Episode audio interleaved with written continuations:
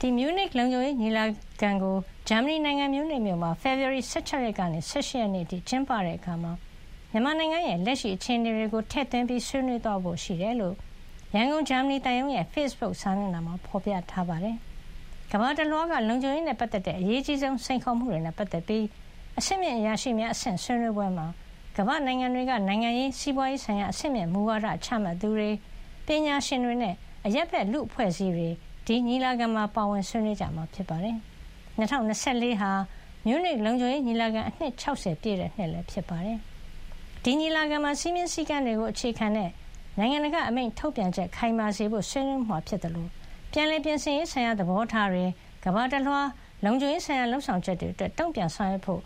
အားလုံးပါဝင်တဲ့မဟာမိတ်အဖွဲ့တစ်ခုတည်ထောင်ဖို့ပါအဓိကထားဆွေးနွေးမယ်လို့ဖေါ်ပြပါတယ်။ဒါ့အပြင်ဒီညီလာခံမှာ မြန်မာနိုင်ငံလက်ရှိအခြေအနေတွေကိုထည့်သွင်းဆွေးနွေးသွားဖို့လည်းရှိနေတာပါ။